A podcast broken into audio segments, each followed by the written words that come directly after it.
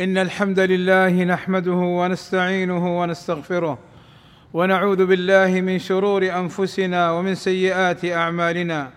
من يهده الله فلا مضل له ومن يضلل فلا هادي له وأشهد أن لا إله إلا الله وحده لا شريك له وأشهد أن محمدا عبده ورسوله. يا أيها الذين آمنوا اتقوا الله حق تقاته ولا تموتن إلا وأنتم مسلمون. يا أيها الناس اتقوا ربكم الذي خلقكم من نفس واحدة وخلق منها زوجها وبث منهما رجالا كثيرا ونساء واتقوا الله الذي تساءلون به والأرحام. إن الله كان عليكم رقيبا. إن أصدق الكلام كلام الله وخير الهدى هدى محمد صلى الله عليه وسلم. وشر الأمور محدثاتها وكل محدثة بدعة وكل بدعة ضلالة وكل ضلالة في النار. أما بعد فالإيمان بالله ربا خالقا والها معبودا عالما بكل شيء وقادرا على كل شيء. والإيمان باليوم الآخر وما فيه من جزاء وحساب يجعل المسلم يحافظ على الواجبات ويجتنب المحرمات. لذا قال أبو ذر يا رسول الله دلني على عمل إذا عمل العبد به دخل الجنة. فقال صلى الله عليه وسلم يؤمن بالله واليوم الآخر. وقال صلى الله عليه وسلم من أحب منكم أن يزحزح عن النار ويدخل الجنة فلتأته منيته وهو يؤمن بالله واليوم الآخر. وليأتي إلى الناس الذي يحب أن يؤتى إليه ومن بايع إماما فأعطاه صفقة يده وثمرة قلبه فليطعه ما استطاع فإن جاء آخر ينازعه فاضربوا عنق الآخر. فإذا حقق العبد معنى الإيمان بالله والإيمان باليوم الآخر كان عمله سببا لدخول الجنة. فمن ذلك الأمر بحفظ حرمة مكة. بحفظ دماء أهلها وشجرها. قال صلى الله عليه وسلم إن الله حرم مكة ولم يحرمها الناس. من كان يؤمن بالله واليوم الآخر فلا يسفكن فيها دما ولا يختلى خلاها إلا الإذخر. فإن ترخص مترخص فقال أحلت لرسول الله صلى الله عليه وسلم فإن الله أحلها لي ولم يحلها للناس.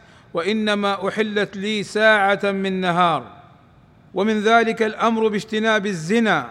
قال صلى الله عليه وسلم من كان يؤمن بالله واليوم الآخر فلا يسقي ماءه ولد غيره أي لا يقع في الزنا فيصب المني في رحم امرأة أجنبية. ومن ذلك الأمر بعدم الخلوة بالمرأة الأجنبية. قال صلى الله عليه وسلم من كان يؤمن بالله واليوم الآخر فلا يخلون بامرأة ليس بينه وبينها محرم ليس بينه وبينها محرم. ومن ذلك الأمر باجتناب الربا. قال صلى الله عليه وسلم من كان يؤمن بالله واليوم الآخر فلا يأخذن إلا مثلا بمثل أي فلا يقع في الربا المحرم ولا يتحلله ولا يسوغه لنفسه. لأن الإيمان بالله واليوم الآخر يقوده إلى ترك الربا. ومن ذلك النهي عن إيذاء الجار والأمر بقول الخير أو السكوت. قال صلى الله عليه وسلم من كان يؤمن بالله واليوم الآخر فلا يؤذي جاره ومن كان يؤمن بالله واليوم الآخر فليقل خيرا أو ليصمت ومن ذلك الأمر بإكرام الجار والضيف. قال صلى الله عليه وسلم من كان يؤمن بالله واليوم الآخر فليكرم جاره.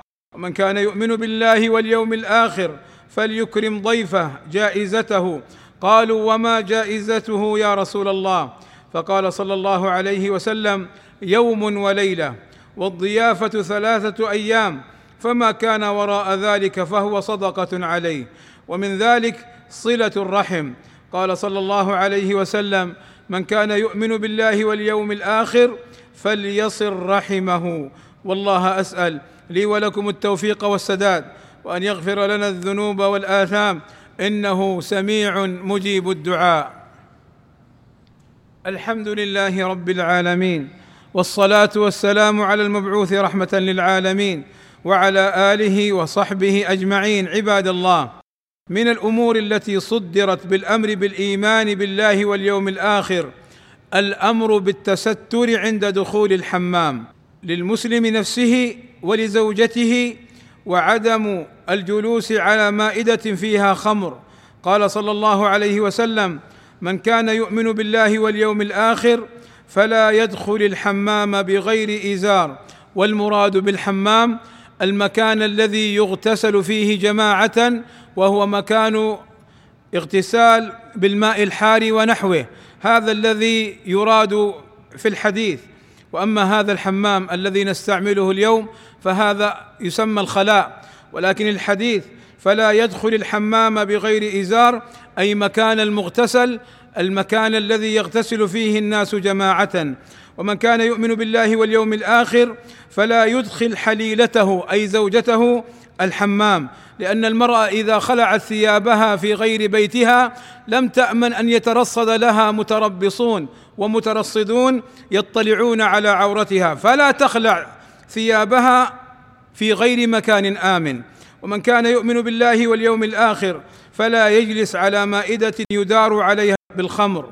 وقال صلى الله عليه وسلم من كان يؤمن بالله واليوم الآخر فلا يشرب الخمر. ومعنى قوله صلى الله عليه وسلم فلا يجلس على مائدة يدار عليها الخمر يعني وإن لم يشرب معهم. ومن ذلك تحريم لبس الذهب والحرير للرجال دون النساء. قال صلى الله عليه وسلم من كان يؤمن بالله واليوم الآخر فلا يلبس حريرا ولا ذهبا. وعن علي بن أبي طالب رضي الله عنه أنه قال أخذ رسول الله صلى الله عليه وسلم حريرا بشماله وذهبا بيمينه ثم رفع بهما يديه فقال إن هذين حرام على ذكور أمتي حل لإناثها. عباد الله إن الله وملائكته يصلون على النبي يا أيها الذين آمنوا صلوا عليه وسلموا تسليما. فاللهم صل على محمد وأزواجه وذريته كما صليت على آل إبراهيم وبارك على محمد وأزواجه وذريته كما باركت على آل إبراهيم إنك حميد مجيد. وارض اللهم عن الخلفاء الراشدين أبي بكر وعمر وعثمان وعلي وعن جميع أصحاب النبي صلى الله عليه وسلم والتابعين لهم بإحسان إلى يوم الدين وعنا معهم بمنك وكرمك. اللهم آتنا في الدنيا حسنة وفي الآخرة حسنة وقنا عذاب النار.